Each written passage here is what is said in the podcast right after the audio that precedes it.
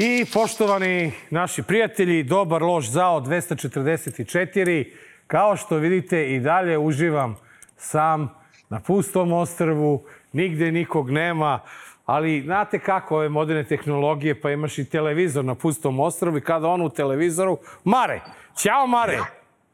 Gde si, brate? E, mogu da ti kažem, naletao sam na nekoliko komentara gde su nam pohvalili prošlu emisiju kako nismo upadali jedan drugom u reč. A to je zato što to je zato što kada upadamo jedan drugom u reč, onda se čujemo istovremeno i stvarno je popuno odvratno. Tako da u stvari premestiti me bilo dobro za emisiju. Vidio si da je Boško prešišao Tadića, ono, i to samo i to onako. Lepo kad doću reč, ja ću dignem tri prsta i, ovaj, i ti ćeš da mi daš reč. Mislim, znaš, tako to ide, pošto si ti u studiju, eto. Pa da, tako da, odlično, ovaj, za sada to sve funkcioniše, ali nešto mi se javlja da ćemo se uskoro videti svi zajedno u studiju. Dok se to ne desi, morat ćete da trpite DLZ bez upadanja u reč Marku, meni i ja Marku. Izvoli. A, e, to vidiš kako... Da. kako šljaka. Ovaj, slušaj, hteo sam, hteo sam da, da, da samo A, dakle, ponovo to kažem jer se, se vidio da ljudi meni žele da brzo ozdravim, što nije Evo te kako senku baca ova, ova lampa izgleda kao da sam štrokav, a nisam ljudi kune nos. Ovaj, a, a, da šta, a, dakle, mislim, ljudi su želi meni da ozdravim, ne, ja sam ono kusem u drvo zdrav, ne računajući mentalno, mentalno jebi ga. Ovaj, ali ono što je činjenično stanje to je da sam relociran, dakle da se ne nalazim u zemlji i da je ova emisija bez zezanja bilo kakvog a, prvi podcast u istoriji uh, Srbije koji je pod zaštitom Međunarodnog pen centra. Dakle, koliko god to nekima i paradoksalno zvučalo, uh, čudili su se, bili su ono, ha, tek sad shvatam, e sad vidite u stvari kako nam je da smo stigli do ovde da jedan od nas, najbolje bi bilo da smo bojice na televizoru, ali ovaj, u, u, u, u gost u studiju, ali Nenad neće, tako da ovaj, smo ostali tu. Moram Nenad da izvini samo da započnem emisiju onim čime ćemo i da je završimo, a, osim da ti poželim da se oporaviš konačno te upale pluća, jebote, mislim, dok to traje, čoče, na što to liči. Ovaj, ali ono što, ono što moram zaista da, da, da napomenem i da odmah skrenem pažnju ovaj, a, i da skrenem malo tok emisije, da ga malo ozbiljim, to je odlazak našeg dragog gosta, a, arhitekta Dragoljuba Bakića, a, koji je prekjuče preminuo i e, oprostit ćemo se od njega i na kraju emisije, naravno kako to biva, ali neki gosti su ipak malo drugačiji od drugih. A, Dragoljub je bio baš takav gost, on je tri puta bio u Dobar loš zao i poznavali smo se i lično i, ovaj, i, i stvarno je gubitak ogroman i da nenadokradiv. Ovaj, eto, Nenade, ja sam hteo to da kažem, a ti sad vidiš kako ćeš dalje. Naravno, ovaj, i, sa, i sa moje strane veliko poštovanje i zahvalnost što sam imao priliku da lično poznajem eh, gospodina Dragoljuba Bakića. To je bio vedar nasmejan, pun energije čovek, imao energije više nego mnogi od nas. Borio se do posljednjeg trenutka da, da Beograd bude ono što Beograd treba da bude. Mnogo sebe je utkao taj Beograd. Beograd znate i sami kako se odužio, ne samo Bakiću, nego svima onima koji su vodili računa o Beogradu. Ali kao što Marko rekao, to ćemo ovaj, na kraju emisije ćemo posebno da se e, ovaj, da se zvanično i mi oprostimo od, od Bakića, a nešto što je na trenutak zaokupiralo pažnju javnosti ovde kod nas, to je U stvari imam samo jednu malu repliku, Marku. Najsrećniji bih bio kad bismo mogli da, da živimo i da radimo normalno, a ne na dva televizora, nego da budemo u situaciji da radimo normalnu emisiju kako se radi. Ja bi to bio najsrećniji. Ali očigledno živimo u takvoj zemlji gde to nije normalno, a samo jedan od, od, od, od mnogobrojnih dokaza ludila u kome živimo je i Vučićevo skiciranje budućih rezultata izbora na televiziji Prva.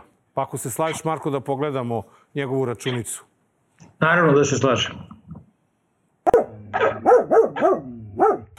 Da se SNS sa između 43 i 45% spusti na 35 do 37. Da se pusti značajni uticaj nekih spoljnih sila koji će da pomognu da tri desničarske stranke skoče sa ukupnih 10,5 na 15%. Da istovremeno se socijalistička partija Srbije podigne sa 11% na 15%. Sad vam govorim nešto što je matematika. Dobro. Da ovaj evropski blok, to su ovi zeleni jedni, zeleni drugi, Đilas, računajte tu i Jeremić, iako je on, niko ne zna kakva je to politika, i sve njih zajedno ponoše, svi zajedno, oni na negde ukupno 20, dakle, 20 do 22%. Imate manjine i ostale, dakle, to je 8 do 10% i nevažeći listići. Tu su moguće sledeće kombinacije za strance. Idealno za njihove igre i za razaranje Srbije. Zato sam uvek govorio Da da, to ne karta, sme... no? Pa naravno, uvek imate pata karte. Dakle, Mhm. onda će da se razigravaju. Tu SNS više ne može lako sa manjinama, nego će morati da uzme nekog od evropejaca, time će morati da uđe u ozbiljan rad sa svima ovima. Šta bi Ali tako tu time da igramo. dobili stranci? Pa dobili bi potpunu nestabilnost, apsolutni haos u Srbiji i kao u lutkarskom pozorištu na povodcu bi vukli razne nesrećnike poput ovih koji ovakve stvari pričaju. I to je smisao svega. Da se Srbija uruši, da Srbija postane nestabilna, da Srbija više ne može. I to rade strane službe, nije ovo prva zemlja Sve da ne može da vodi radi. samostalnu politiku. Da Srbija više ne može da vodi svoju samostalnu politiku.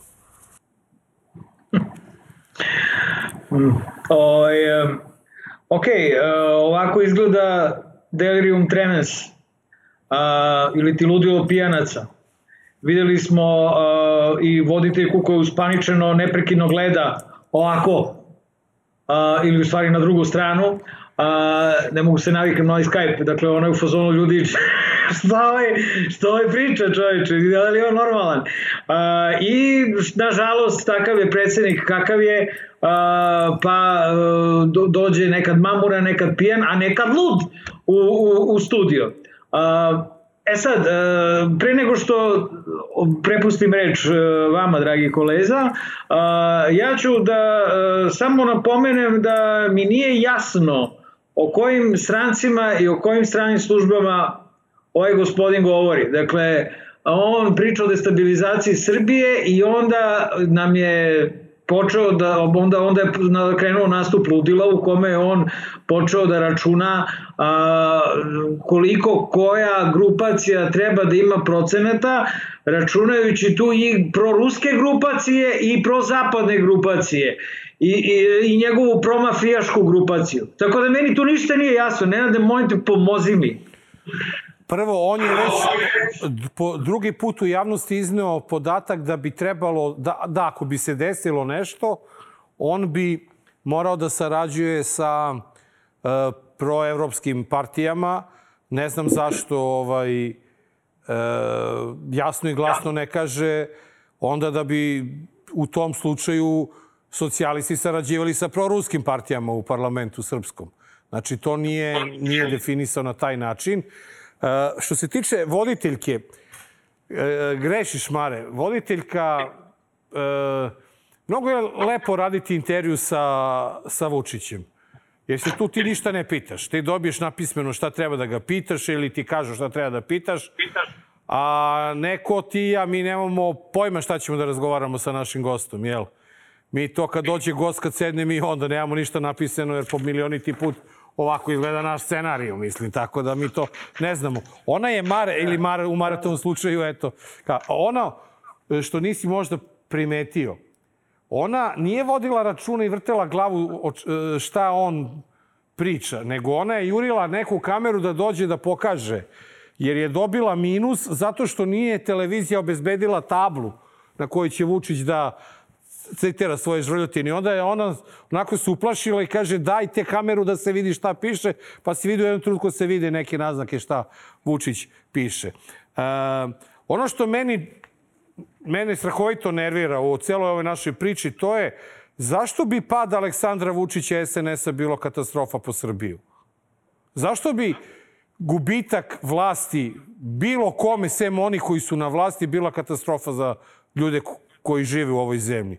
Gubitak vlasti i odlazak sa vlasti na izborima je sasvim normalna stvar, normalna situacija u mnogim državama. Samo izgleda u Srbiji se gubitak vlasti doživljava kao tragedija i katastrofa, jer ovo nije prvi put da se čuje, ovo čujemo iz njegovih usta, ali ovi njegovi pajtaši, oni stalno govore o tome kako ako ode Vučić, gotovi smo, nema puteva, nema penzija, nema ovoga, nema onoga. Sećaš se da je onaj, on, onaj e, Krkobabić 2, što je sada u vladi, da je on pričao ako Vučić ne pobedi neće biti penzija. A zaboravlja da kad je bio u vlasti Borisa Tadića, kad je tražio povećanje penzija, da je tad povećanje penzija dobijeno u iznosu od 70%, što se nikada nije desilo. Tako da, ova računica sada je apsolutno jasna. Cela ova igra oko SPS-a koja je bila ranije e, napravljena iz jednog jedinog razloga što je po rezultatima anketa koje je dobio Vučić na svoj sto, SPS i blok te patriotske opozicije su naglo skočili dobili neke glasove, a SNS je pao. I to je ono što, što bi ti rekao Firer upali lampicu iz, iznad glave i onda on krene da pije, krene da baljezgari, krene da razbija dok se ne otrezni sutradan i ne vidi o čemu se radi. Ono što uh, mene zanima, dakle, uh, to je, uh, ovo je bio i napad iskrenosti. Ovo je bilo odjednom, znaš, kao da prepričava ono što njemu stiže na sto. Nama prepričava ono što njemu stiže na sto. Uh, I objašnjava vam da je katastrofa ako oni izgube vlast. Mislim, oni idu sa tim narativom, naravno, zato što su oni mafijate. Ako da. oni izgube vlast, ako oni izgube vlast, ostaće bez, uh, ostaće možda i bez slobode, jel, ko što bi bio ovaj, uh, i red. A, I sad ono što mene zanima je kakva je njegova, čekaj vidim, pa da, nemamo, nemamo toga, to ćemo sa gostom, ali, ali ovo je odličan trenutak jer on je u stvari kukao zbog toga šta njemu stranci nameštaju. Dakle, nisi mi odgovorio, Aha. videli smo koji stranci, znači da, Da, li, da, da, da ga namešta Zapad ili ga namešta Bocan Harčenko, svi su vrlo aktivni, vidim u tome ko će da mu ovaj, jače stegne, ko će jače da ga stegne tamo da, da. ga najviše boli. Ovaj, i, i, uh, i, i, znaš, ono, baš me zanima na koga je, da li on rekao u ovom intervju, ovo bilo uživo, šta je ovo bilo? Ne, ne, ovo je bilo uživo, sve je to u redu. Uh, on prvi put sada ima situaciju da ga jedni i drugi pritiskaju oko različitih ciljeva. Ranije su ga Rusi pritiskali oko jedne stvari, Amerikanci oko druge, pa on malo stavi Zoranu Mihajlović, pa malo stavi ovoga Vulina, pa malo Batu Gašića, pa malo ovog onog. Sad je napravio vladu prorusku sa nekoliko prozapadnih elemenata, čisto da bi održavao tu, tu tinjejuću vatru.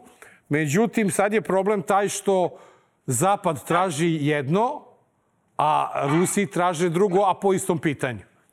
Sve I to ne da, ne da Rusi traže drugo, nego su Rusi već odlučili. Čitajući intervjue Boca Harčenka, ti vidiš da ne postoji ni najmanja šansa da se potpiše po njegovom mišljenju. Da, dakle, da. da ne postoji ni najmanja šansa da je da se potpiše sporazum ovaj francusko-nemački, da je on čuo u skupštini kako predsednik uh, Srbije odgovorno tvrdi da neće da nema šanse da da prihvati taj nemačko-francuski sporazum. Dakle Rusi brate rade radnju onako kako to oni obično i rade, a o, to predsednikovo ovaj reci ajde. Hoću, hoću da te pitam nešto. Pitaj. Uh, ja sam poprično siguran da će se možda prvi put desiti da će on uh, poslušati nekoga, a da će ga manje zaboleti to za, zavrtanje nego, nego što stvarno. Razumeš šta hoću da te pitam? O, ja, pa ne, znači, ako ga. Zapad za, zavrti više nego, nego Rusi, on će ipak da posluša Ruse. Zapad? Plašim se, da. Da ako... A, ne, ne, više će da... Po... Znači, ako ga Zapad jače stegne, on će da posluša Zapad. E, ja ako mislim, ga... e, ja mislim da je možda moguće da se desi kontra. Kako? Zašto? Pa ne znam, ne znam, ne znam. Eto, imam taj osjećaj da, da, e, zato što e, kada Rusi prete, o, njihova pretnja ne, no, ne boli mnogo kao što boli izvršenje pretnje. Razumeš? Pa Rusi, Rusi ovaj, umeju da prete i ne javno, nego onako, E, naš, i- uh, ono, naš, Znaš, niko na zapadu mu nije pokazivo jazavca kako se davi u vodi, a Rusi jesu. Tako da mislim da plašim se da će on poslušati ovaj e, Rusiju, ali vraćamo se na ono što sam rekao. Kokice, uzmite i uživajte.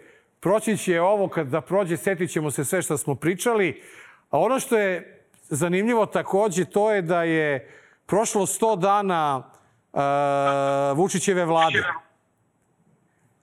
Prošle nedelje ali- obeleženo prvih 100 dana kako je Čale naš služio Aleksandru Vučiću, kako treba i šta treba. I e, zanimljiv detalj sa proslave e, 100 dana vlade u Lebanama ili Lebanu, kako se kaže?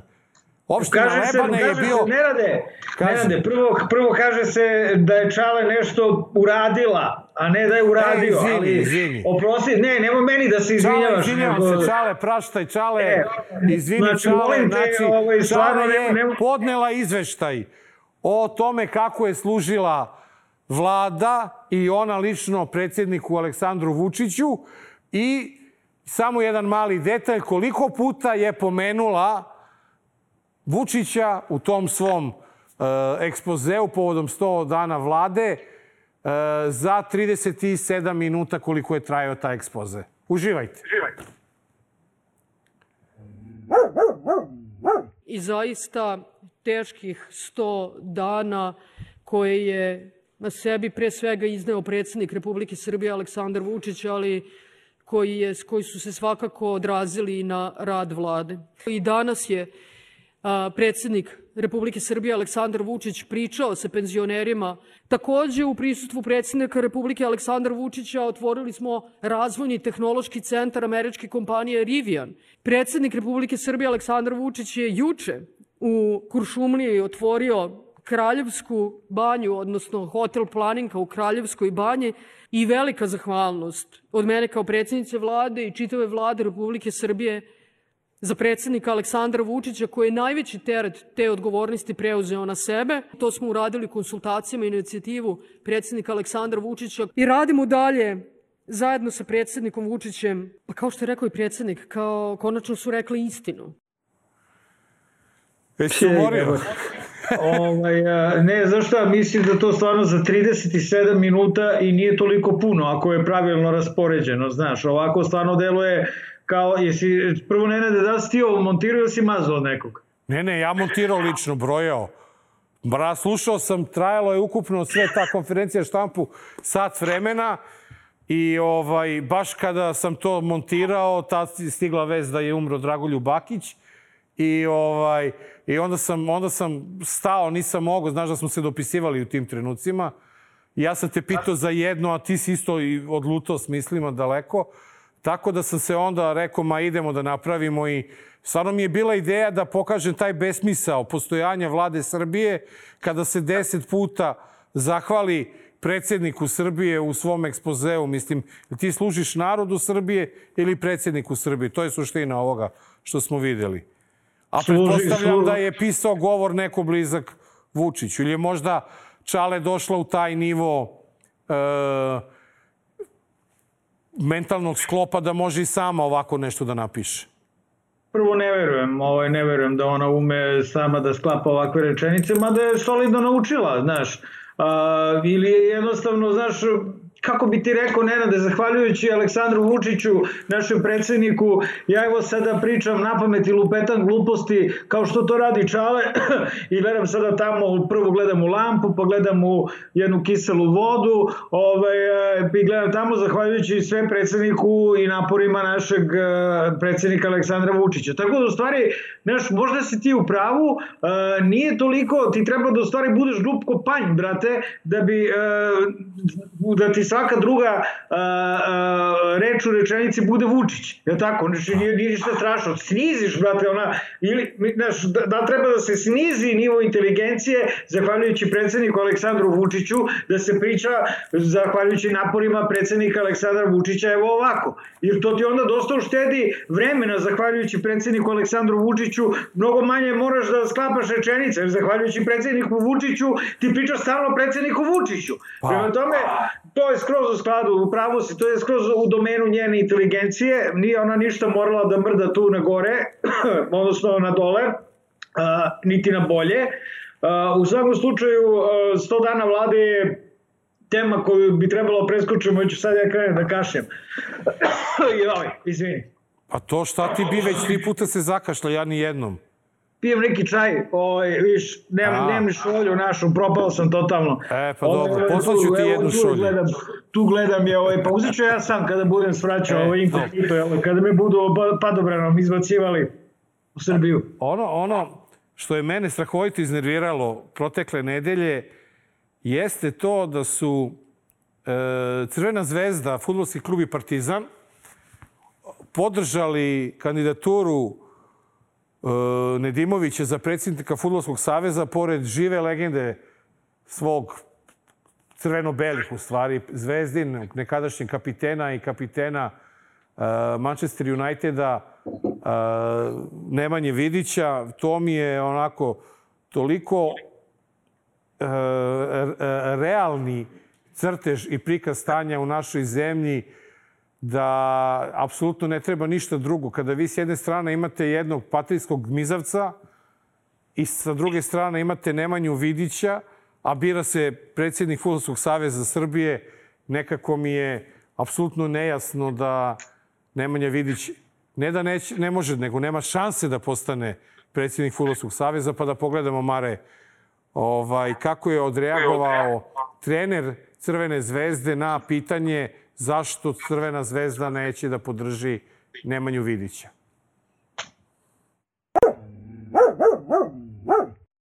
Struka je već podržala kandidaturu Vidića za predsjednika Saveza. Stanojević iz Turske se javio... Pet Što se nas tiče, mi se nećemo oglašavati tim povodom, tako da Da, možda će trener Zvezde da vidi. Neće. hvala na pitanju. To je kao prvo, ovo će biti moja nova frizura. Znači, kad budem rešio se ošišam, Kao- šišat ću se na, na, na, kako zove uopšte trener Zvezde, nemam pojma. On je Miloš Milojević. E, dobro. Znači, na Milojevića ću da se ovaj, šišam, do odlična mu je frizura 93. brate, skroz. Ovaj, a, a, znaš šta, koliko sam ja shvatio, izbori za futbolski savez, za predsjednika futbolskog saveza Srbije su u nekom martu, je li? 14. marta. Dobro, znači, kad je reč o futbalu i o sportu u ovoj zemlji, e, ja, pošto znamo da sve konce u rukama čvrsto drži njegova niskost, a, koji smo imali prilike da gledamo u prvom prilogu, ja ne bih rekao, ne, ne bih se zaletao, iskren da budem ovaj, u, u ovoj a, a, sada utakmici, jer ja ne znam, znaš, kod nas su sve utakmice režirane, pa možda i utakmica za a, futbalski savez Srbije. Nekako su svi, za predsjednika futbolskog saveza, znači nekako su svi požurili da uh, podrže svi koji nisu, dakle, uh, to kao zvezda ili ne znam ja, znaš, da kažem ovi naši, su požurili da, po, da, da podrže Vidića. Nismo čuli ni Vidićev program. Nismo čuli, znači samo znamo da je, pro, da je preko puta njega, odnosno da je njegov protivnik Nedimović. Ja, poznavajući ovu vlast, a, u svo poštovanje koje gajim prema Nemanji Vidiću, ne mogu unapred da isključim da ovo nije režirano. E, Znaš zašto nije režirano? Zašto? Pa zato što prosta činjenica, Nemanja Vidić se jasno deklarisao, uh, jasno se deklarisao opoziciono na prethodnim izborima i podržao je Zdravka Ponošan u predsjedničkoj kampanji. Tako da je to više nego jasno, nego sada postoji... Čekaj bre, staj, stani, stvarno. Pa Nisam, da. Ja sam, pro- propustio Pa sam to, čoveč. To ti kažem, to, to je A, problem. dobro, dobro, okej, okej. I problem je onda taj što je sada SNS kapira da su stvarno ovce kada ti pored nekog vrhunskog futbalera koji je legenda Crvene zvezde, hoćeš da staviš Nedimovića, umro sam od smeha, Marko, čuo sam da Nedimović sada igra futbal regularno za futbalski klub Kuzmin, Ajde. koji je poznat po kulenu. to mesto Kuzmin je poznato po dobrom kulenu. Tako da, Bog te pita koja je ta priča. Čekaj bre, koliko Nedimović ima godina bre, kakav bre futbal je Pa igra igrao? futbol, registrovan za futbolski klub, ak- aktivan futbaler. Umro sam od smeha kad sam, kad sam. Ali šta sam hteo ti kažem, SNS sprema novu podvalu, a to je da Džaja. kad su sad vidjeli, sad kao Džaja da bude. Džaja. Jer Vidio kao ipak Džaja. Džaja i Vidić, Džaja je faca, jel? Vidić je mlad. Tako da, radite vi što bi rekao Vučić svoj posao. E, vaša je sramota. Nije naša ako bude Nedimović izabran naspram Vidića. A, da, ne, nije, nije stvar u tome, nego je jako zanimljivo. Prvo nisam znao ovo, stvarno izvinjavam se gospodinu Nemanji Vidiću, velikom gospodinu, što ga nismo zvali u emisiju kad je već ovaj, Pa bio ne otvoren znam, protiv ne znam, nemoj da mu stavimo- Što? Nemoj Što? da mu ove minimalne šanse još smanjimo. To će tek da Pa mu ne, uzme za zlo. Što ga Nenade nismo zvali pre ovu emisiju, ako je već opozicijona. Evo ja prvi put čujem sad malo pre od tebe, nisam pojme imao, stvarno se izvinjavam svima, znači ako je čovjek bio za Ponoša, mada kad se setim kako je Ponoš oktrojisan za predsjedničkog kandidata, hm, opet ne bi me čudilo da je i ovo, na, ne, zezam se, zezam se, okej, možda se i ne zezam, jebote, nisam, znaš, ne možeš da znaš čoveče, a, a, ne znaš da li je paranoja veća kad si tamo ili kada nisi tamo, zato što sa strane kada gledaš, stvarno, vrate mili, sve izgleda kao podvala. A, ali okej, a, ajde uzmimo da, da možda će zaista da rušenje, odnosno pad tog režima krenuti od futbalskog saveza, odnosno od futbala. Tamo gde je njemu, tamo gde su mu tvrdi koreni zapravo. Ne može, ne može Mare, zato što on čvrsto drži pod kontrolom i, Delegate. i Partizan i Zvezdu. Razumeš? Samo, samo pogledaj ko su predsjednici futbolskih klubova, direktori. E, Vučela u Partizanu, Terzić u Zvezdi. Gospoda, gospoda bre. Brate, pritom, e, Terzićev sin je uzeo Ofka Beograd. Da. Znaš, Partizan ima svoju ekspozituru, Teleoptik, Zvezda ima grafičar. Razumeš? Tako da je to sve tu izmešano. Ja jedino ono, ako je tačno ono što sam čuo da radnik iz Surdulice je podržao, na primjer, Nemanju Vidić. Eto, to sam, to sam pročitao negde u novinama. Tako da, eto. Znaš šta, e, hteo sam da te pitam e, kako se glasa, brate, na tim izborima? A, Na tim izborima to je veoma zatvorena, zatvoreno društvo. Ima 85 kandidata koji su neki su Delegata. delegata, de- pardon, delegata. A, a da bi bio kandidat moraš da imaš pet delegata podršku. I Nemanja Vidić to ima. Ali problem je što su svi drugi e, pod SNS-om. Tako da to je jedan a, re, re, re, kako se kaže, recivid komunističke e, Nemanja partije. Vidić, jedan je Nemanja Vidić, Nemanja Vidić, jedan je Nemanja Vidić. E, Mare, Da, novi haos u regionu. Uhuhu! E, si čuo za šć? Kako nisam, Kako nisi kako nisam, čuo? Već sam, već sam napisao i recenziju te pesme, čovječe. E, znači, e, Let 3, dame i gospodo, predstavit će Hrvatsku na pesmi Eurovizije sa više nego upečatljivom pesmom. A, mi nećemo pustiti pesmu, zato što ne znamo da li će YouTube da odreaguje ili neće i tako kako već idu. Znam da su nešto hteli da nam skidaju kad smo e, radili... Uvijek nešto hoće da skidaju, brate. Znači, ono, ne smemo da pustimo ništa, sigurno bi nam skinuli ovo. Pa da, e, ali mi smo našli e, snimak njihov, e, kako oni dolaze na taj festival, tako da, evo, uživajte u narednih 20 sekundi.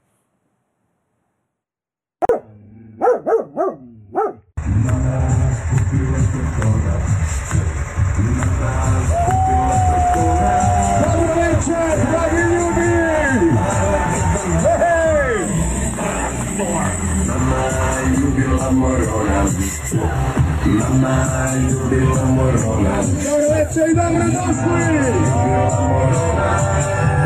Trae la alegría, mamá. Mamá, yo vivo morona.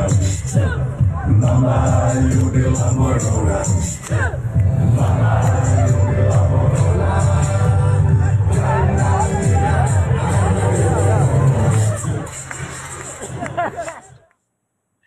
Pa znaš šta, nije isključeno da će nam i ovo ovaj, uh, YouTube prepoznati i skinuti, a s obzirom kako si najavio, onda možemo s time i da se igramo, jer možda ćemo pustiti neki rezervni prilog. Da, A, u slučaju da smo pustili bilo kakav prilog, ako je otišlo ovo što si ti najavio, onda ste videli i čuli, ako niste, onda, dragi gledalci, idite i pogledajte. Najbitnije je u stvari pogledati a, nastup a, Let 3 na Euroviziji, na pesme Eurovizije za Hrvatsku, a, jer Let 3 je objektivno neslušiv bend ali gledljiv i slušiv jeste. Dakle, to je konceptualni punk band uh, iz Rijeke koji funkcioniše, prate 35 godina, ja mislim od 87. Uh, I ovo sve je popuno u skladu sa Led 3, jedino što nije u skladu to je da jedan punk band i to band koji ono provocira golim guzicama, golim kitama i spaljivanjem čepova, pipom, lovcica, brše, lažnim brkovima, a, zapravo ide na to takmičenje, ne računajući, kako se zvao, Lordi, onaj, one, one metalce iz, ovaj, Iz Finske. Da, ovaj, dakle, ponekad se desi da neko normalan i ode na to takmičenje. Samo mogu to da kažem, pošto se meni konstruktivna pesma ne sviđa, mislim, tako da aj prošle godine dana. A je, ne mogu, majke mi. Ovaj, evo, stvarno, ono, znači, je, za, je da smo pevali nešto, to je zašto nemamo zdravstvene knjižice, ni ti ni ja, zato smo pevali. Ovaj, pa da, a mislim, aj budimo sad iskreni, prošle godinu dana odsecite mi glavu, šta radim, ne sviđa mi se pesma. Ne sviđa mi se ni ova pesma, mislim, i ovo je, znaš, e, e, kao pesma. Sad kad bi mi neko pustio pesmu, a da ne gledam, E, da, našmikanog, našmikane ovaj, uh, mrlju i pr, ovoga, uh, mrlete i prlju, uh, znači bilo bi potpuno drugačije. Da, ljudi su odmah krenuli u tumačenje da li je traktor simbol za oluju, pa onda mali, kako beše, onaj krokodilski gad, to je verovatno Putin, jer oni tamo imaju neku koreografiju sa A mama je Rusija. Da, brate, znači, um, to je jedna, oni su lepo rekli ratna, Uh, ne, uh, Antiratna. antiratna pesma o ratu. I naravno, kako je neko, kako je neko bio glup da pita, gde, znaš, gde ćeš da pitaš Let 3, zašto se pesma zove šč? Znači, ili š.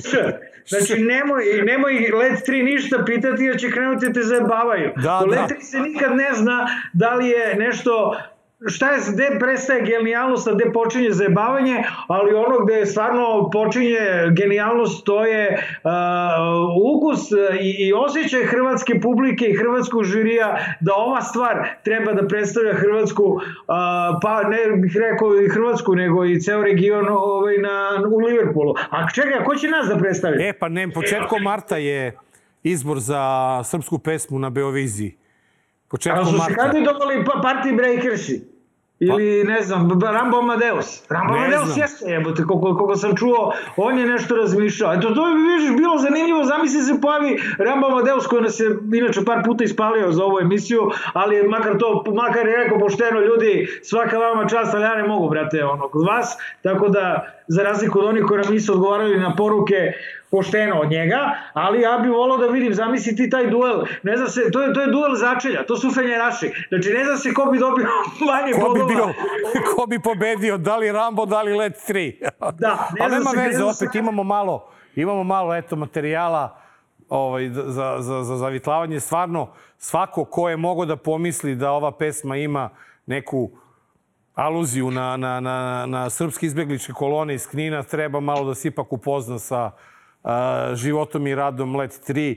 Tako Let- je, i sa Let 3 je nacionalnom pripadnošću, je više da sa nacionalnom pripadnošću članova benda. Pa, ali to je, to je bend koji je napravio više kritike hrvatskog društva nego bilo ko, mislim, ono. Tako da, da ljudi dajte malo, malo nema u, sve, u svakom potezu, nema zavere protiv Srbije, nismo toliko bitni, nismo toliko veliki, nismo toliko značajni da bi se samo ljudi nama bavili. Mare, ako nemaš ništa drugo, da pređemo na reklame, a? Da A, dodaš. da, preći ćemo na, na reklame. Šta to držiš, je dobro, ja ću Ovo kažem danas, dakle, uh, ja ću da, da, da, E dobro, ako čeka, ko, ajde onda ti pričaj novoj, ajde. Pa evo, nova, znači to je dobra, šarena, jeftina novina, 50 dinara. E, šta je Vučić govorio o Dačiću, ovo pet malo priče o ovome što smo malo pre mi pričali o, o Vidiću i Nedimoviću. Evo, male ovaj, karikatura e, Dušana Petričića koji uvek Da, čekaj, pogodi... ovo Marinika, brate, na karikaturi. Šta? Da, da li je to ladno Marinika na karikaturi? Nije je. Ta, ta Jeste. druga osoba sa leve. To je Marinika! Pa koliko ja Morat ću kapiram. dulete, da morat ću dulete. Ma nije, to- Marinika je, Marinika je, brate. Dule, je li to Marinika? Da, Čekaj, pa vidiš, dve žene su. Zašto Marinika? A kada je danas u pitanju šta reći nego što kaže majka, što kaže Marko, to je najveća pisana institucija ove zemlje. Ovaj, Da, evo sad ću ja da Evo, preuzmem tvoju bivši. Đilasov saradnik u obilasku SNS ministara, brate, nikako da se završi ta turneja. Pa ima RTS puno ministara. RTS je vaše pravo da platite 50 puta više. Onda evo i ovde jedne lepe Koraksove karikature koja na neki način bolje od bilo kog ekspozea ovaj, opisuje 100 dana nove vlade. Tako da ljudi nemojte da zaboravite nikada da ovo blago koje imamo na našim kioscima pustite u svoje domove, jer bez ovih novina Srbija bi bila mnogo drugačija nego što jeste. Mare, Šta to znači? Bila bi bolja. Mislim, Ne, mnogo ne, nego bi drugačije, bila je još gora. Pošto je Srbija Bila bi je još gora. Aha, dobro, okej, od onda, onda blata bi vi. je pravili, kao što sada Tomu Nikolića pravimo od blata. Tako da, ovaj, eto, dajte vi svoj doprinos, čitajte e, novine Nova i novine danas. E, mi idemo na kratak džingl i onda idemo na intervju. Dobar. Loš. Zao. Dragi gledalci, a, 244. izdanje vašeg omiljenog podcasta Dobar loš zao, jedinog podcasta u Srbiji koji je pod zaštitom Međunarodnog pen centra. Naš gost, predsjednik Građanskog demokratskog foruma Zoran Vuletić, ne samo zato što mi volimo da šaramo, nego zato da, vas, da, da, da vam eksplodira glava. Dakle, posle Borisa Tadića, ne, posle, ajde Čogradi ne mogu da računam zato što je ona i vodila emisiju, ali dakle, bio je Dejan Ilić, pa Boris Tadić, pa Boško Obradović i sada Zoran Vuletić, pa brate, kome ne eksplodira glava od, od, od ovakvih gostiju, od ovakve mućkalice, Dobar loš zao, pa je stvarno svaka mu čast. Zorane, dobrodošao prvi put u Dobar loš zao. Hvala vam, hvala na pozivu. Mare, i bitno je samo na početku da kažemo da je Zoran jedan od potpisnika apela da se e, prihvati francusko-nemački sporazum. Ne I samo inicijator. potpisnik, I ne inicijatira, samo, inicija, inicijator tog apela. Pa i izvoli, ne Mare. samo I ne samo to, nego je uh, Zoran napisao i jedan, ovaj, uh, kako bi rekao, članak upozoravajući da uh, on smatra da se predsednik se sprema da ne potpiše, odnosno da ne prihvati taj sporazum. E pa sad Zorane, znači imamo v, v, nikad jasniju situaciju u Srbiji, ja bih rekao. Zato što uh, juče kad smo snimali emisiju, uh, Ej, evo te, danas je dan državnosti. Sreća vam svima dan državnosti. Zabre, tek smo se sad setili. Ludilo, ej, da. Pa kad imamo tužne vesti na početku i na kraju Da. emisije, nemaš ga onda i nije neki dan državnosti, a nije neka država. Tako da, a, Zorane, imamo ovog puta predsednika koji je a, popuno ras, a, rastrgnut. S jedne strane je Zapad, odnosno Kvinta koji od njega zahteva da potpiše francusko-nemačko-američki sporazum sa Kosovom, a s druge strane su Rusi, čiji ambasador Boca Harčenko otvoreno govori da je Vučić već odlučio da neće potpisati sporazum. Šta se dešava? Pa ja bih rekao da je to tragičan opis naše situacije i to je prosto Srbija u kojoj mi živimo. E, zavisi, u prvom delu emisije ste vas dvojica takođe pričali o ovoj temi i negde se lako zaključilo da koja strana bude izvršila veći pritisak, mi ćemo tako da presudimo i tako ćemo da radimo. E, to dodatno opisuje našu tragičnu situaciju I ja mogu samo malo unazad da se vratim sa genezom oko, ajde da kažemo, ove poslednjeg inicijative za plan iz Evropske unije. U prvoj onoj konferenciji za štampu, ako se sećate, Vučić je e, onako uz muke, uz objašnjenje da smo ucenjeni, da smo pritisnuti, da eto, uvešće nam sankcije i tako dalje, on je sklon e, da, to, da se to potpiše. Tako smo imali najavu njegovu na konferenciji za štampu. Nakon toga je posle 7 dana došlo do skupštinske rasprave koja je malo to očigledno već tada relativizovala tu nameru i ta skupštinska rasprava je pokazala zapravo da on nije više siguran da li hoće ili da li, da li, da li u stvari može da to potpiše, ali ono što je još tragičnije po meni, opozicioni poslanici u parlamentu, izdvojit ću dva koji su nedvosmisleno diskutovali da to treba prihvatiti da nemamo mnogo opcija. Mislim na Šajpa Kamberi i Aleksandra Olenika, njih izuzimam iz ove grupacije opozicioni. Oni su zdušno pomogli Vučiću da on ima dodatni alibi zašto neće da prihvati taj plan. Uh, mislim da je jako važno i reći o čemu se tu radi. Mislim da taj plan, bez obzira što mi nismo videli očigledno da nije bilo moguće da bude na papiru dostavljen javnosti, što ne znači da nije mogao da bude dostavljen poslanicima, pa neka drže zatvorenu sednicu, ovaj, ne mora da bude za javnost, to ne podržavam, ali ovaj, imali smo dovoljno elemenata, baš pomenuta Snežana Čongradin je objavila gotovo ceo taj plan i Aleksandar Vučić je rekao da je oko 90% tog što je tu napisano izašlo u medije e, tačno i da je to tako. I e, ja hoću da kažem da čak i da nije izašlo to u medije, svi koji smo ovde živeli, malo samo ko se zanimao za politiku, mogo je da zaključi iz 90. godina na koji način smo mi izašli, šta se dogodilo sa Kosovom, zašto smo bombardovani, kako je krenuo prvi papir nakon bombardovanja, mislim na Kumanovski sporazum, za koji danas Boris Tadić, on ne može sam sa sobom da se dogovori, pomenuo si ga ti Marko i slušao sam u ostalom tu emisiju kad je bio kod vas gost, sad prvi put kaže nije do kraja završeno bilo to Kumanovskim sporazumom. Hoće da kaže da je ostalo e, dovoljno prostora da Srbija smatra da je pobedila u tom ratu, da Kosovo nije izgubljeno, da je e, da Srbija crpi neke argumente na osnovu kojih može danas da se ponaša drugačije.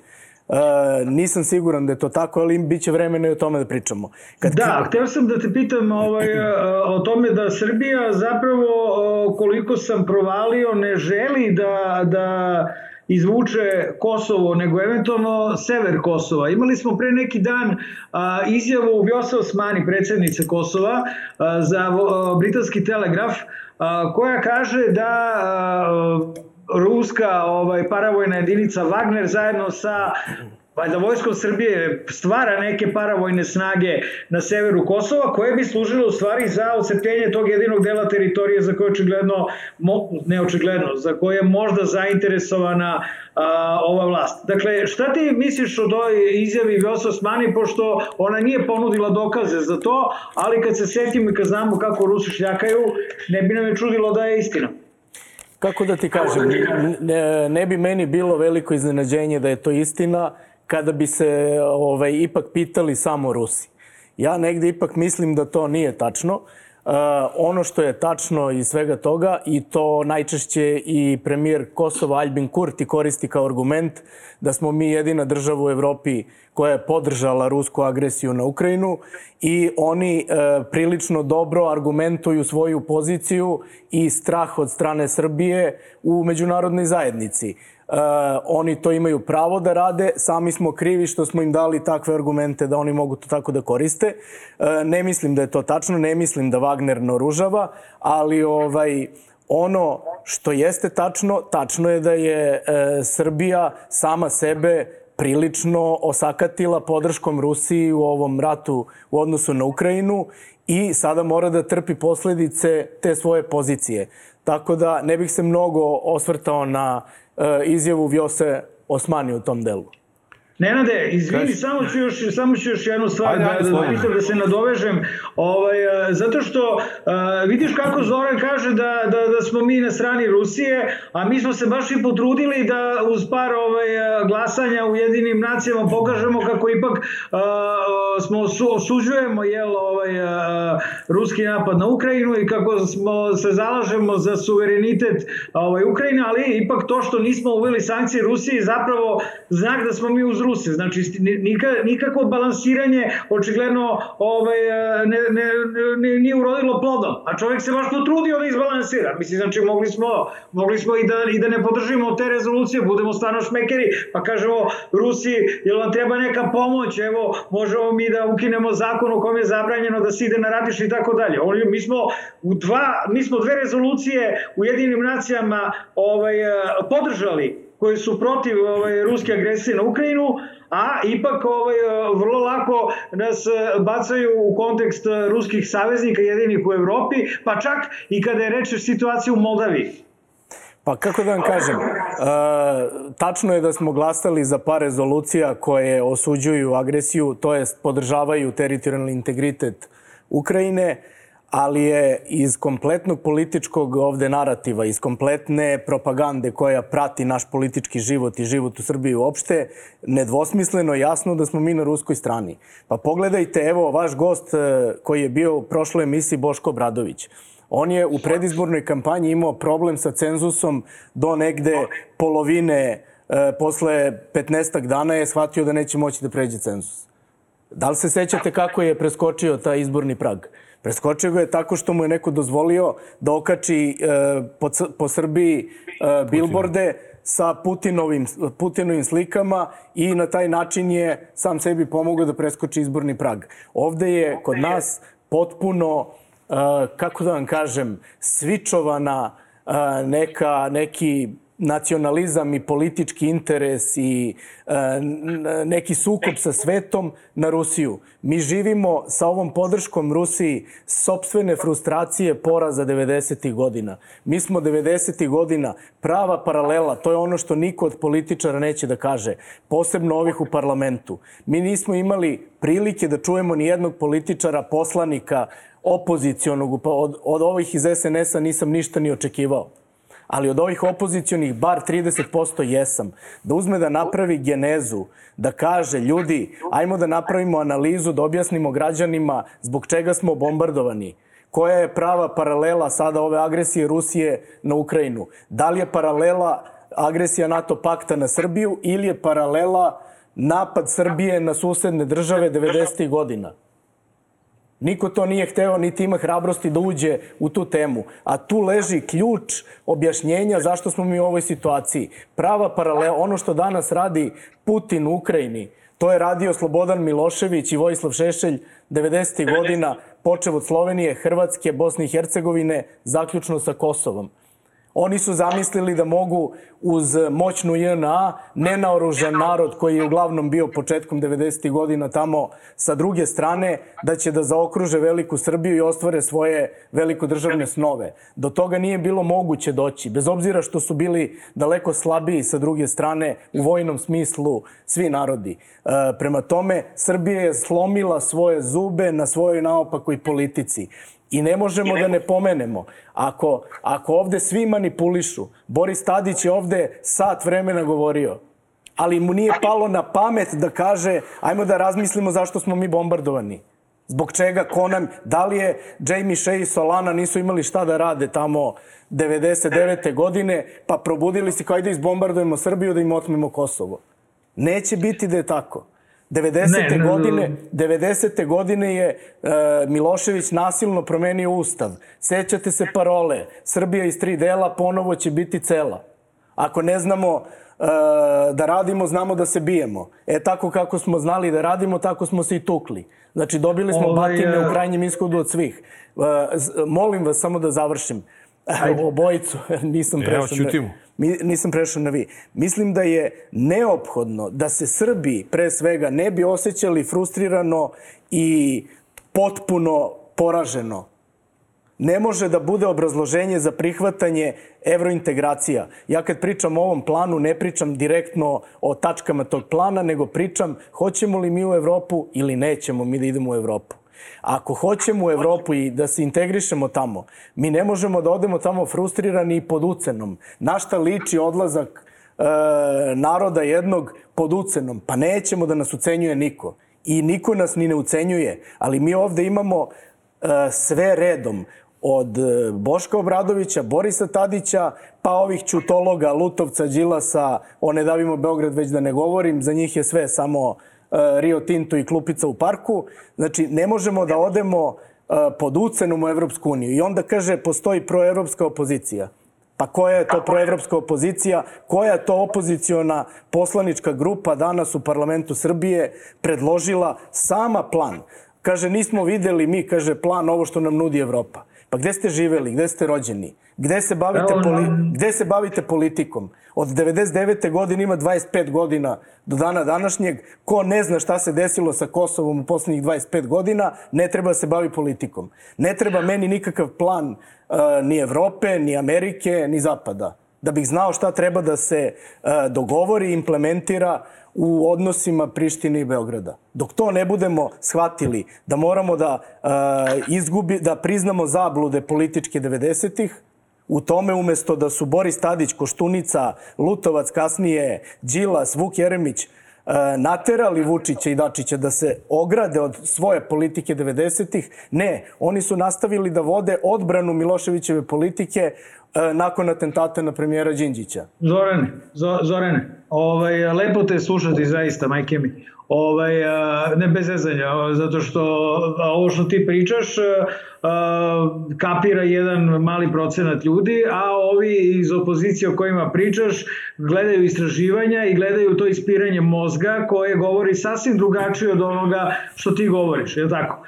I ovaj, možemo se složimo ti i ja Nenad i još njih šestoro i da kažemo to je ok, ali sad u ovom trenutku je malo prekasno. Dakle, sad smo stigli dotle da je Vučić sateran u ćošak Dakle, i od Zapada i od Rusije. Tako da, super je što si, redko se kad e, može čuti ovako ovaj, e, od jednog političara, dakle, e, ovako izlaganje i hvala ti na tome, ali ajde da se vratimo dakle, u sadašnji trenutak. Ajde da vidimo šta ti misliš da će da se desi. Glimo sam tu ovaj, sreću da te gledam pre neko jutro kod uh, Zorana Ostojića i Milorada Kumrakova. Evo te sa ovaj, sa Anđusom si bio gost. Uh, e sad, to je jako bitno, zato što Anđus, uh, kada si ti govorio o tome da taj plan mora da se prihvati, Anđus se složio 98% sa tobom, nije se složio samo kada si govorio da se Vučić prenemagao, jel? Znači, o njegovom prijatelju ne može baš tako da se priča, ali zanimljivo je, dakle, da je od Anđusa kao nekoga ko je bio i ostao, ja prepostavljam intimus Aleksandra Vučića, stiže 98%-tno ovaj, slaganje sa time da ovaj plan treba prihvatiti. Šta će da se desi? E sad evo, na našoj ovaj medijskoj sceni i političkoj sceni, e, kad a jedan Anđus kaže da se sa mnom slaže u 90% e, onoga što sam rekao, ja budem onda e, lako žigosan kao neko ko podržava Vučića ja sam Vučićev čovek. Ovaj, imao sam i takve komentare, ja se na to ne obazirem. Ja mislim da je pre svega neophodno voditi se svojim političkim ciljem I ako bismo pogledali odakle je ko krenuo i šta su politički ciljevi bili nekih ljudi unazad... A to je, Zoran, izvini, to nije važno. Ne, ne, vratit ću se, ne, ne, ne, vraćam se na ovo. Jasno, to je popuno jasno, nisu naši gledalci baš toliko tupavi. Vraćam se, dakle, vraćam se na ovo. Hoću, hoću da kažem da li je signal, a ne da li si ti za Vučića ili nisi, jasno je da nisi, nego je stvar u tome ovaj, da li je signal da će nešto se desiti. On fali mi i Đukanović, ne znam da li se uh, čuveni poslanik i advokat SNS izjasnjava u ovom pitanju. Nema. Pa to, da li su to signali da će Vučić, šta misliš, ti si pisao upozorenje da Vučić neće potpisati? Jesam, jesam, napisao sam upozorenje uh, da bih alarmirao javnost, A volao bih i da sam Vučić pročita, pa ako misli da treba da razmisli još jednom, pa da to prihvati, da prihvati. Ovaj, hoću da kažem, ja sam i u toj emisiji na kraju, kada me Ostojić pitao, dobro, da li ti e, prihvataš i rešenje ukoliko ga Vučić nametne na autoritaran način e, u stilu sa svojom vladavinom? Ja sam rekao, ja nemam problem ni sa tim. Mnogo bi bolje bilo da to bude e, jedna normalna atmosfera u kojoj se prihvata taj plan, da se objasni ljudima da je interes našeg društva da se taj, taj plan prihvati i da to nije nikakav novi plan, to je updateovani briselski sporazum. U briselskom sporazumu je već potpisano ono što je glavna tačka sporenja u ovom što je procurilo u javnosti. A to je da nećemo ometati Kosovo da bude članica nijedne međunarodne organizacije, pa tako i Ujedinjenih nacija.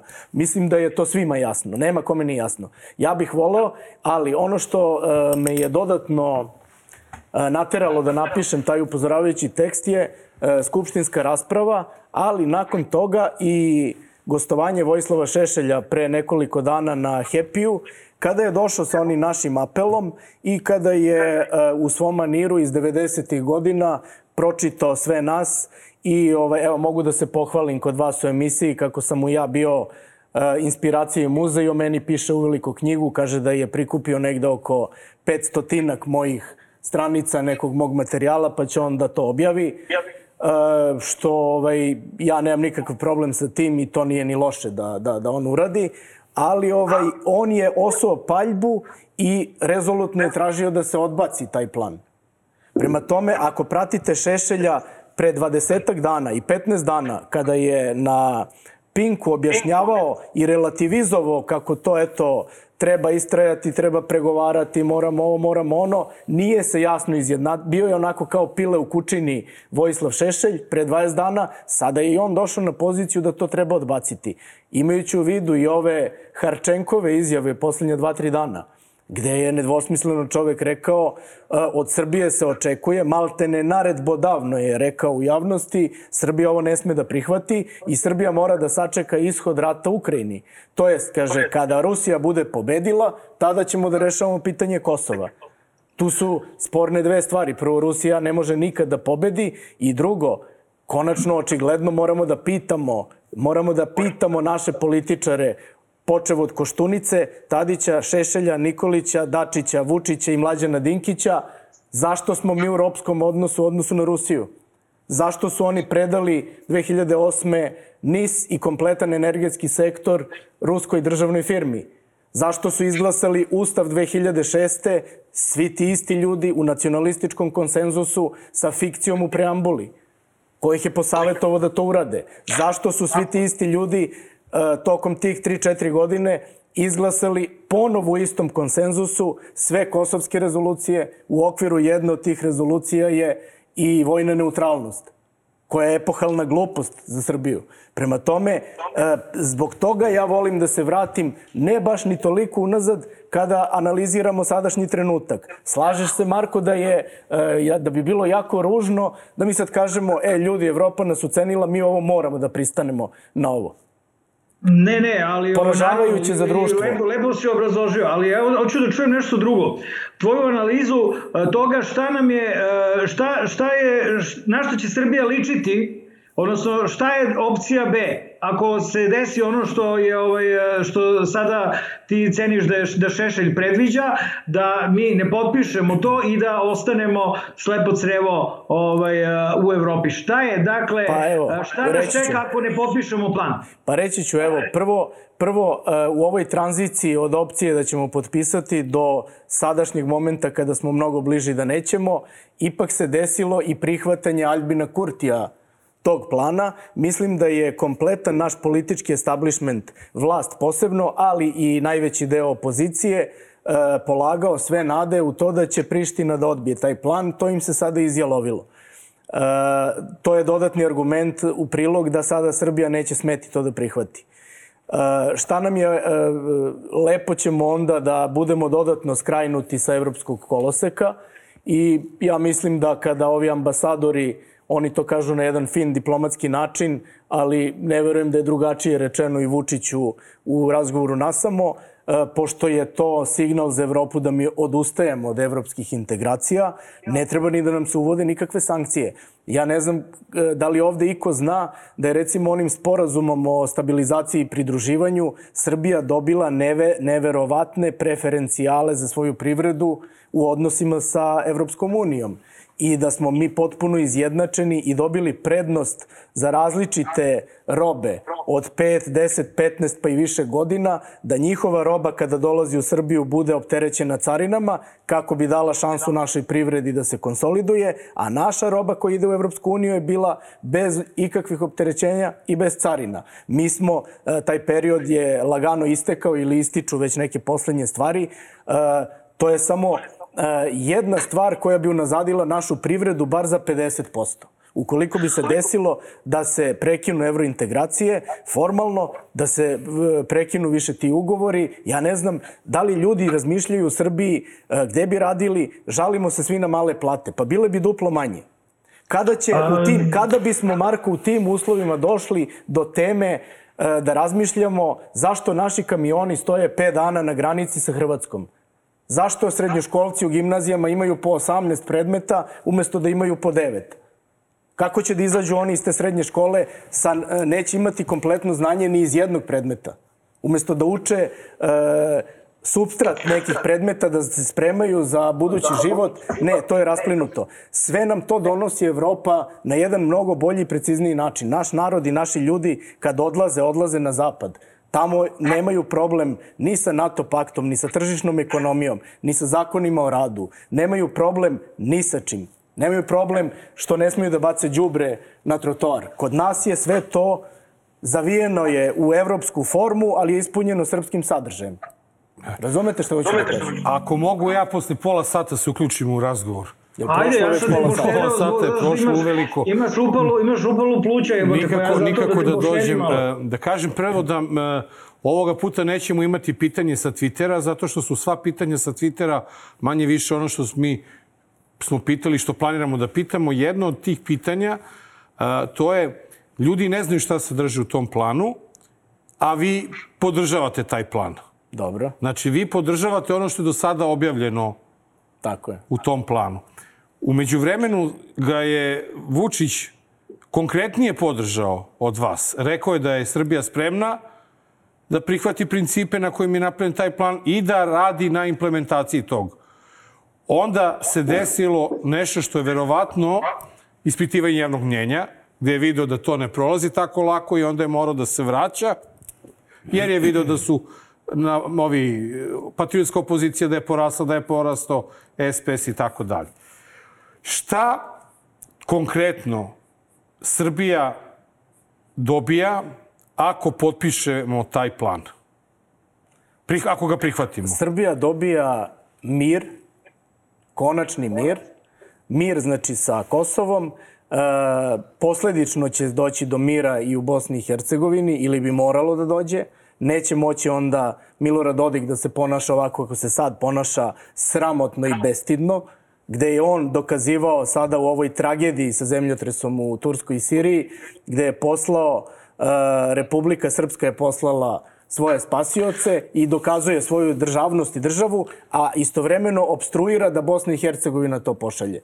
Znači, stalno imamo tinjajuće sukobe koje generiše pre svega i najviše srpska politika, nažalost. Ja nisam srećan zbog toga, ali imamo iskustvo iz 90-ih. Ti isti akteri i ljudi su i danas na vlasti i oni Dobro, to rade. ali- ali šta dobijamo? Dobijamo, znači, konačni mir. Dobijamo perspektivu širom otvorena vrata Evropske unije. E sad, ono što ovde političari rade, pa i Boris Tadić je manipulativno to objasnio. Kaže, ako neko misli da ćemo mi, kad rešimo Kosovo, odmah da idemo u Evropsku uniju, taj vara građane. Tako je rekao otprilike. Pa on vara građane kad to tako definiše, zato što on zna da bez obzira e, da li smo mi otišli u Evropsku uniju, da li ćemo otići, mi Kosovo nemamo. Znate, razgovarao sam skoro sa jednim prijateljem e, na temu Kosova i kaže, znaš da postoji u medicini sintagma fantomska bol. Šta je fantomska bol? Pa kaže, to su, to su pa ljudi, kaže, oni koji imaju amputiranu ruku ili nogu i onda godinama nakon toga osjećaju da im trni, da ih boli i tako dalje. Očigledno je da su političari napravili lobotomiju u Srbiji i da su narodu objasnili i mi smo sad svi izloženi mentalno tom fantomsko, toj fan, fantomskoj boli u odnosu na Kosovo. Znači, mi imamo dve opcije. Da ostanemo i bez Kosova i bez Evropske unije ili da ostanemo sa Kosovom u Evropskoj uniji. Dobro, to bi bilo sve što si ti rekao idealno u slučaju da je Srbija normalna zemlja. Ali Srbija nije normalna zemlja. Ti danas u Srbiji imaš ogroman broj ljudi koji je protiv Evropske unije, još veći broj ljudi koji podržava Rusiju i čak kada bi Vučić i prihvatio taj plan i potpisao, da li ti misliš da bi ovaj deo javnosti koji je okupljen oko te patriotske opozicije da bi sedao skrštenih ruku i da ne bi bilo nikakvih problema? Mislim da, mislim da taj deo javnosti koji je okupljen oko te takozvane patriotske opozicije, ajde, ja ću da ih imenujem, Boško Obradović, Milica Đurđević, e, Miloš Jovanović i ta ekipa. Oni ne mogu da skupe više od 1000-2000 ljudi u Beogradu pa da dube svi na glavi. Razumete? Jedini ko može da skupi ko ima mašineriju i tehnologiju skupljanja u više desetina hiljada ljudi, to je očigledno danas SNS, koji je poredak u Srbiji, koji vlada svim institucijama, koji može na različite načine da utiče da se dovedu ljudi autobusima i to je to. Znači, ništa- ta patriotska opozicija ne može... Ne bi bilo nikakvih unutrašnjih problema ako bismo potpisali. To je, to je Vučićev alibi, znači ono što ste i na početku Aha. čitali o tim uh, inženjeringu nekog sa strane, a zna se na koga misli. Misli na zapad, jer sigurno nije mislio na Bocan Harčenka da radi ovde inženjering, da pravi vladu neku drugu. Znate, i onda on kaže na koncu, kao u Lutkarskom pozorištu, se formira vlada. A kako je njegova formirana, sad ne mogu setim da li 2016. kad je naprasno otišao na lekarski pregled u Moskvu pa se vratio Sa u džepu sa spiskom ministara i Nenada Popovića pa nadalje. Da. Kako mu je formirana, izvini, ova sada vlada? Kako je Vulin je otišao negde, ako se dobro sećam, u junu, e, upriličeno mu je u sred ovog rata tamo poseta kod Lavrova, što je potpuno neobičajeno. Kod Lavrova otišao u posetu, na najvišem nivou primljen. Primio je odlikovanje, orden neki je dobio za saradnju sa Rusijom. To je kvislinški orden. Kako da vam kažem, to je sramota i za Rusiju tom čoveku dati orden. Ali ono što je jako bilo važno za javnost našu, a to nije zabeleženo, Kaže, Vulin i Lavrov su na konferenciji za štampu rekli tada ne treba Srbija da brine, predsednik Vučić će da nastavi da vodi politiku kao i do sada. I mi smo to i dobili. I ja ne znam što se sada ovaj najveći deo opozicije, evo ove patriotske, što se oni bune? Pa oni su šetali u, sa gvozdenim pukom po Beogradu sa Putinovom slikom početkom agresije. možda ga znaju, znaju ga bolje, pa znaju da će kako da... da- vam kažem, Vučić je najbolji isporu, isporučilac efektivne politike i desničara i ćutologa u parlamentu. Ćutolozi u parlamentu, ove koje sam malo čas definisao, oni su sa crvenim linijama. To kad čujem crvene linije, onako okrene mi se mozak. Kakve crvene linije? Ne može Kosovo Ujedinjene nacije, ne može bude nezavisno. Pa Kosovo je u odnosu na nas pristojna država kad pogledate. Ne samo što je pristojna, nego je nezavisna u ne odnosu znam da na nas. Se, ne znam da li se sećate 90. godina, Srbija je bila izbačena iz Ujedinjenih nacija. To je SR Jugoslavije, je li tako? Pa jel možda nismo bili država? Bili smo država. Znali smo gde su nam granice, postoje neki narod koji tu živeo, bila je organizovana vlast koja je vršila svoje neke funkcije i mi smo bili država. Danas je Kosovo to isto. Ima narod koji živi tu, ima jasno definisane granice. Da li je država ili nije, ne zavisi od Ujedinjenih nacija. Razumete? Znači, Kosovo uh, će olakšati sebi život kao članica Ujedinjenih nacija i kao članica svih drugih međunarodnih foruma i institucija.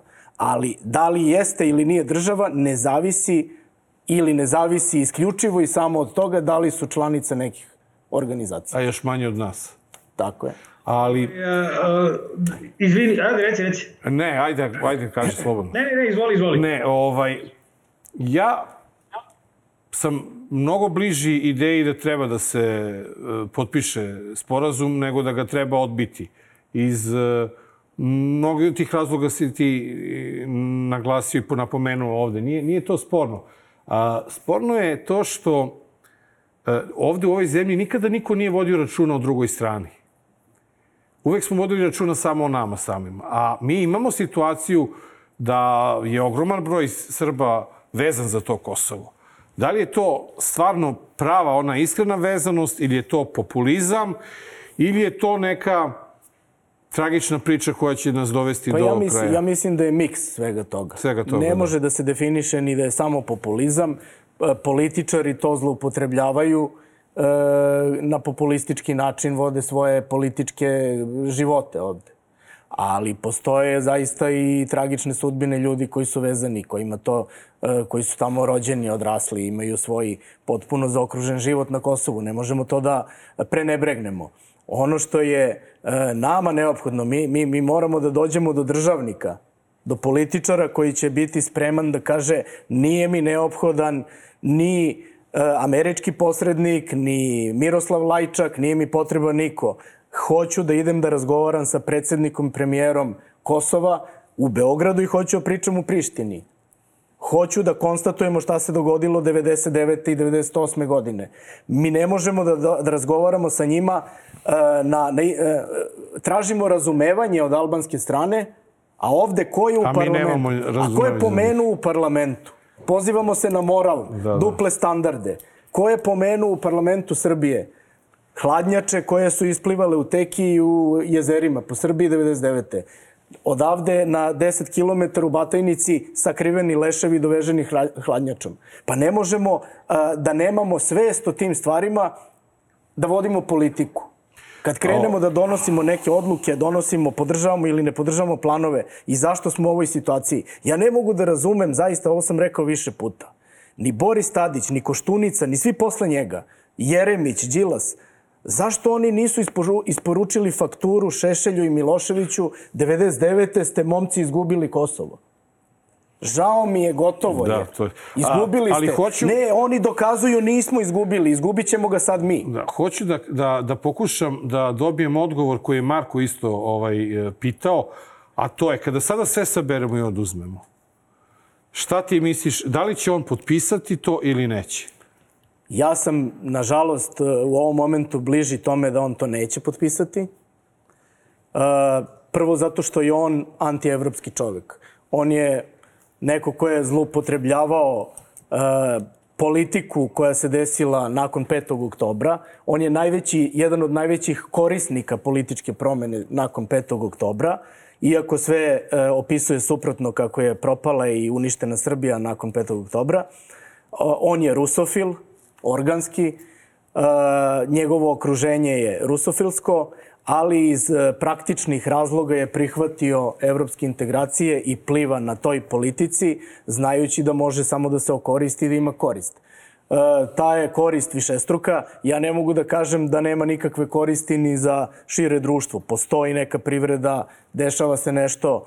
Ne želim da pocenjujem ni ove e, fabrike koje kažu kolokvijalno nazivaju mm, motalice kablova, kablova i tako da. dalje. Postoje tu i druge fabrike. Znate, lako je nekom ko je sa strane da priča, ah, bagateliše, to je motanje kablova.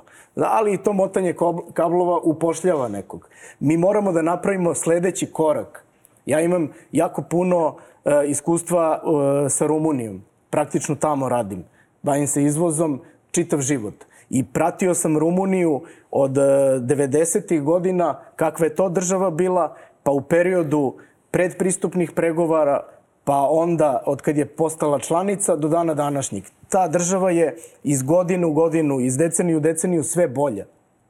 Tamo e, ljudi, oni više zaista nemaju radne snage da prime neku investiciju. Tamo je sada došlo do žestokog tržišta rada gde ljudi sada daju otkaz zato što imaju ponudu da pređu sa 900 na 1300 evra platu. Daju sami otkaz. Onda ovaj poslodavac mora od nekog drugog da, da, da traži radnike. Ja sam siguran i da u ovom momentu u Rumuniji radi bar 20-30 hiljada iz pograničnih mesta iz Mesta, Srbije da, da. na stalnom radu naših ljudi. Prema tome, kada pogledam sve te prednosti koje nudi formalno članstvo u Evropsku uniju, ja nemam dilemu šta mi treba da radimo. Apsolutno Ja sam nemam mogu dilemu. da se složim sa tobom, ali meni uvek u glavi to da je slična atmosfera bila i pre nego što smo ispunili svoje haške obaveze, pa posle toga nije se baš tako Slažem se, lako Nenade. otvorilo put. Ja samo hoću da kažem da je i Evropa svojim ponašanjem prema Srbiji doprinela da mi sada imamo većinu koja je protiv ulaska u Evropsku Jeste. uniju i da je ogromna većina za Rusiju u sukobu sa Ukrajinom. Jeste, ne sporim. Ali ta većina koja je ovde formirana sada oko Ukrajine, e, ja vam tvrdim da je formirana oko frustracije poraza 90-ih. Srpskih poraza. Jasno. Vojnih Mare, poraza. Pre Magreće Kutka, jesi hteo još nešto da Ali moram da pitaš? samo, moram Aha. samo e, da dodam. Znači, e, 90. godine su nas uništile. Nisu nas uništile nakon. Pomenuli ste, ispunili smo obaveze prema Haškom tribunalu. Jesmo, ali na koji način? Ne, sve to, da ne zalazimo da- dalje u ne, priču, ali- htio sam ali- samo da kažem to kako bilo- nam se nisu baš toliko vrata Ne, ne, ne, otvorila. ali to je bilo frustrirajuće za naše društvo. Umesto da se kaže, ljudi, ovi ljudi su činili te i te zločine i zbog toga idu Sve u se Hag. slaže sa tom, Oni ali- su, Koštunica, pa i Tadić u to vreme, kroz kohabitaciju, pošto je bio nesposoban i nije bio hrabar da se suprostavi Koštunici, što nije otišao u opoziciju, nego mora bude na vlasti. Evo Marku. Nek uzme, neka, neka napravi lepo Koštunica s radikalima vlasti, idi ti u opoziciju. A ne ti šalješ generale kao na poslednju prekomandu da brane Srbiju. E, u takvim uslovima su odbranili Srbiju i došli ovde da nam drže predavanja na akademijama, pišu knjige i najugledniji gosti po svim trovačnicama Pa da, sa ta nacionalnih... Evropa to dozvoljava. Ta Evropa Ne, ne. je nas stavila na kolosek gotovo beznadežnog slučaja i kontroliše nas da ne pravimo veći problem. Mare, izvoli. Ovaj, a, dakle, jasno je Izvini, Marko, da možda je... sam preterao.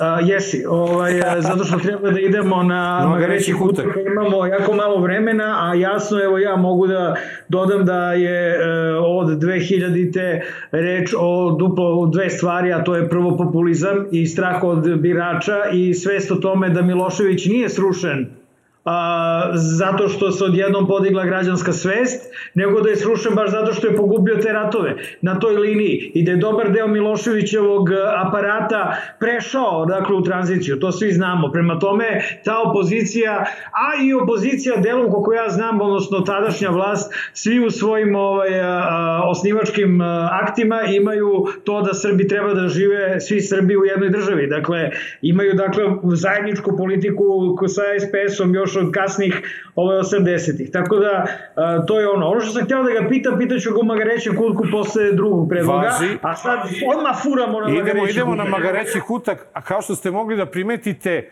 e, Čekaj da već, treća, već treća emisija, Marko i ja smo poprilično statični i više dozvoljavamo gostima da govore nego, nego što su ranije imali priliku, Mare, a?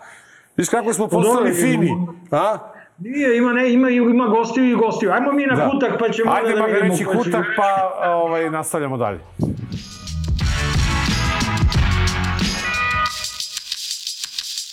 Poštovani gledalci, 244. izdanje emisije podcasta Dobar loš zao. Sa nama u studiju je e, Zoran Vuletić. E, Zorane, u, u, u celoj ovoj priči oko Kosova prolaze neki sitni detalji, sitne stvari koje naš društveni život i politički čine mnogo zanimljivim, a to je da je naš predsjednik stvarno ljudi, nemojte da se ljudite, ali ono što pijan kaže, to misli. On je čovek ladno rekao da zlupotrebljava e, penzionere i da je uvek siguran da ima ko da glasa za njega.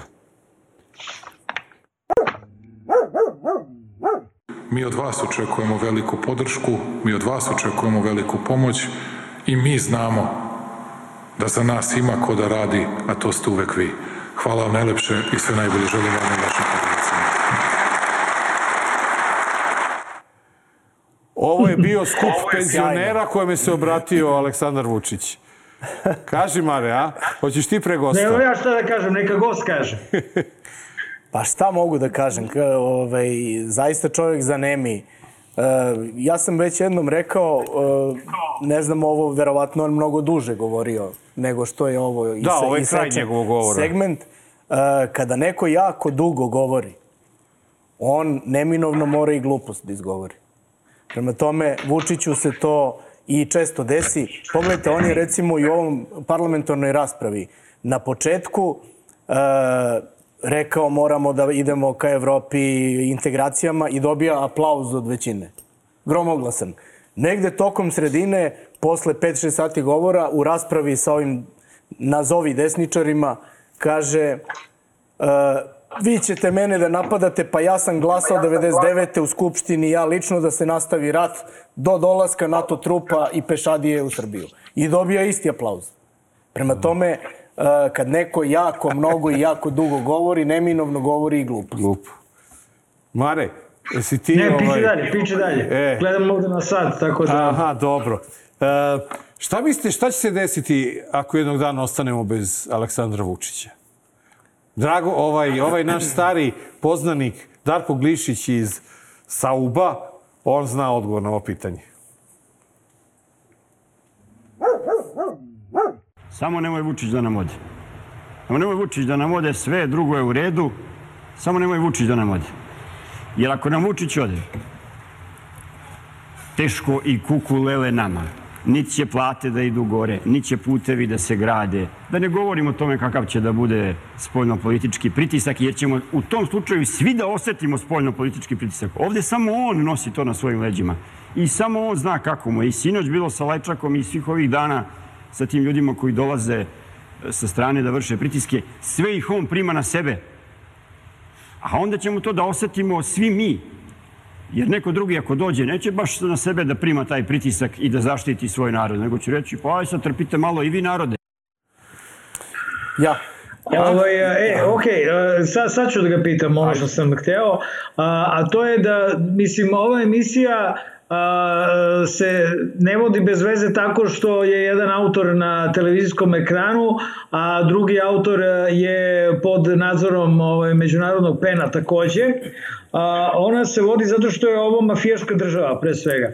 Prema tome, a, ja mislim da a, odbijanje sporazuma sa Rusijom, sa ovom, a, sa odbijanje ovog sporazuma sa Kosovom, dakle, će da Srbiju dovede u jednu izo, poziciju izolacije Ti si lepo pričao o tome šta mi kao zemlja i kao narod gubimo i građani i tako to. Ali mafija koja je na vlasti, a čijeg smo predstavnika upravo videli kako nas plaši nestankom Vučića, ovaj, će da dobije savršenu sredinu u kojoj će da napreduje i da cveta. To je ta sredina iz 90-ih u kojoj se benzin prodavao na ulicama, pljuge na pijacama i naš narod je nekako ovaj, plivao u tome i, i plivaće ponovo, bojim se zato što je i doveden doveden do tog dna. E to je ono ovaj, što, što je mene zanimalo uh, i ono čega je mene u stvari straha, to je da mafijaška država u kojoj živimo već, to jest u kojoj vi živite vi, će da bude još gora posle odbijanja potpisivanja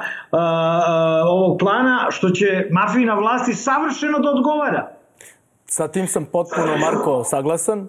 E, mislim da, recimo, argumente koje dobijamo sa ove opozicione strane a to je prilično diletantski politički stav. Ukoliko Vučić sada prihvati ovaj plan, on će dobiti dodatnu podršku iz Evrope i vladaće nama još 10 godina.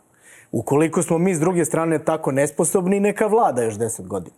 Kako da vam kažem? Pa, da. Ali i ako bude vladao uz evrointegracije mnogo intenzivnije i iskrenije, neće moći tako da vlada kako on zamišlja da bi trebalo. Međutim, ako odbije plan i taj scenarij uopšte nije e, nisam ovaj daleko od tog sličnog zaključka kako je Marko rekao. Ja mislim da mi nemamo kapaciteta političkog da bez Vučića e, se usvoji nešto slično u dogovoru sa Kosovom. Evo, pogledajmo šta nam je alternativa ukoliko sad Vučić to odbije. Da li vi vidite na opozicijnoj strani političku alternativu koja kaže mora da se prihvati plan, osim nas iz apela kojih je trenutno taj apel potpisalo možda između 400 i 500 ljudi. Ne smiju ljudi da potpišu. Boje se. Prema tome, nemamo političku artikulaciju alternative. I kad kaže Darko Glišić, kuku nama ako Vučić ode. Pa kuku nama, znate zašto? Ne zato što ne, njega nema. Kuku će biti njima ako on ode zato što je on štiti njih tamo, pa, svoje leglo. Oni ne postoje Ali bez ja njega. govorim o tome da je kuku i nama zato što nećemo dobiti alternativnu politiku. Dobit ćemo e, modifikaciju iste politike. Možda malo manje grubu i malo e, tišu nego što je ova danas. Ja ne vidim potencijal na, opozici, na opozicijnoj strani za novom politiku. Nama su potrebne nove politike, ne samo novi ljudi. Nove politike. Jovana, preskačemo treći prilog, pošto je četvrti efektni zbog vremena i cure nam vreme. Uh, idemo na četvrti prilog. Uh, pojavila se nova politika. A da ni ne znamo da postoji i to je neka pobednička Srbija koja ima veće poverenje nego i SNS što ima. A da.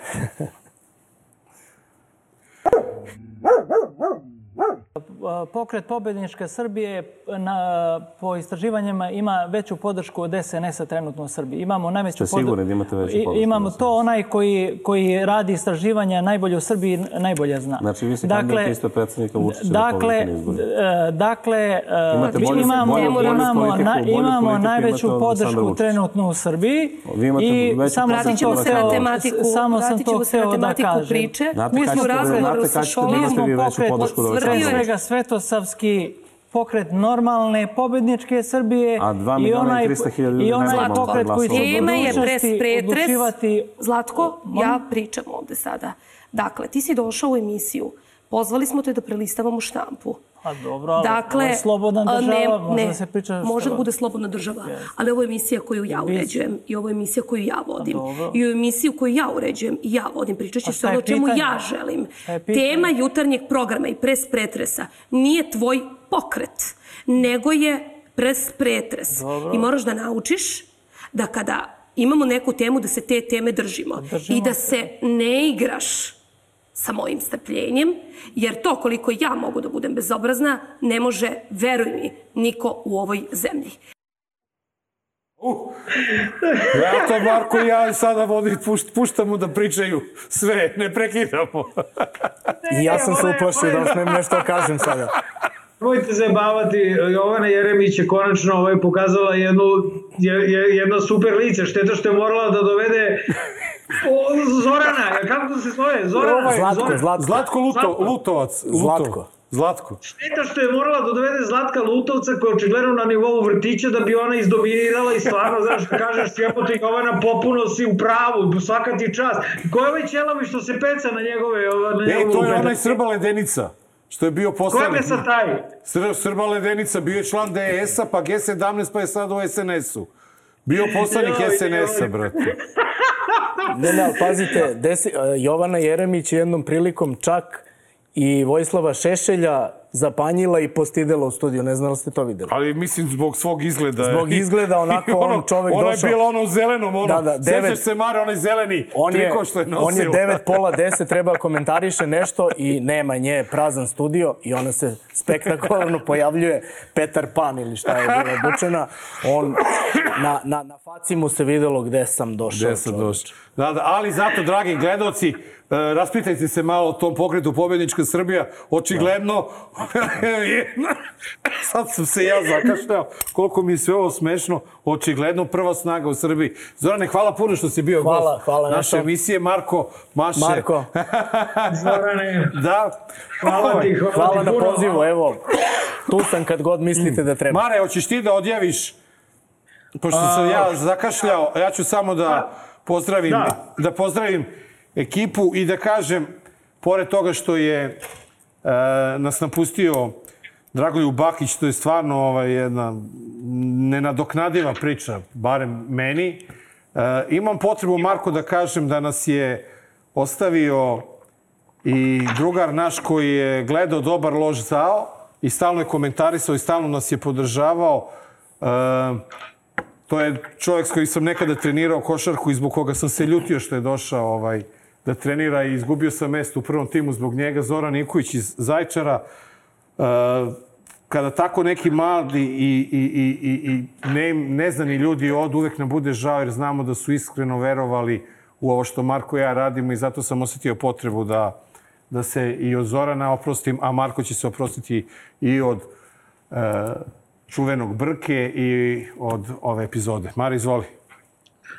A, dragi gledalci, bilo je ovo 244. izdanje, moram provjerim, Dobar loš zao. A, vidimo se sledeće srede na isto mesto, isto vreme, a, Nova RS a, i YouTube u 8 sati uveče.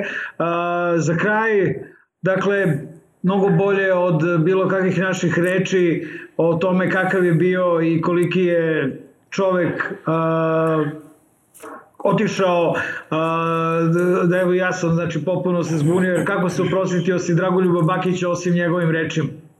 Idemo zajedno u propast. Laku noć. Mi živimo, pogotovo u Beogradu, ali to je slika cele Srbije. Mi živimo pohlepu, mi živimo korupciju, mi živimo ulizištvo i mi živimo ruganje. Nama se ovaj režim ruga. Ako neko za direktora energo, en, elektroenergetskog sistema od 35.000 ljudi postavi onoga koji zna da okreće prasiće, on mora da objasni zašto se ruga naciji. Ako se Beograd da vodi proglasi javnim interesom cele Srbije, kako? To je ruganje. Prema tome, mi sve to moramo da prevaziđemo. E sad, tog ruganja narodu je dosta. I sada se, naročito kroz ove naše ekološke proteste, probudilo javno mnjenje. te uši U najavi je pobeda kada uzme majk Znanje da propovedam, napušavam odreda. Sva fake goveda što veličaju lovu. Koja je prokleta, klinci što se lože na prijave bolida. Koji u isto vreme ne moš hoda i da priča sistem vrednosti ništa. Kao i u vidla pa se bodu i upucavaju za poštovanje strita. Muda su do neba jer tu je ekipa. Oči se dokazuju ko je veći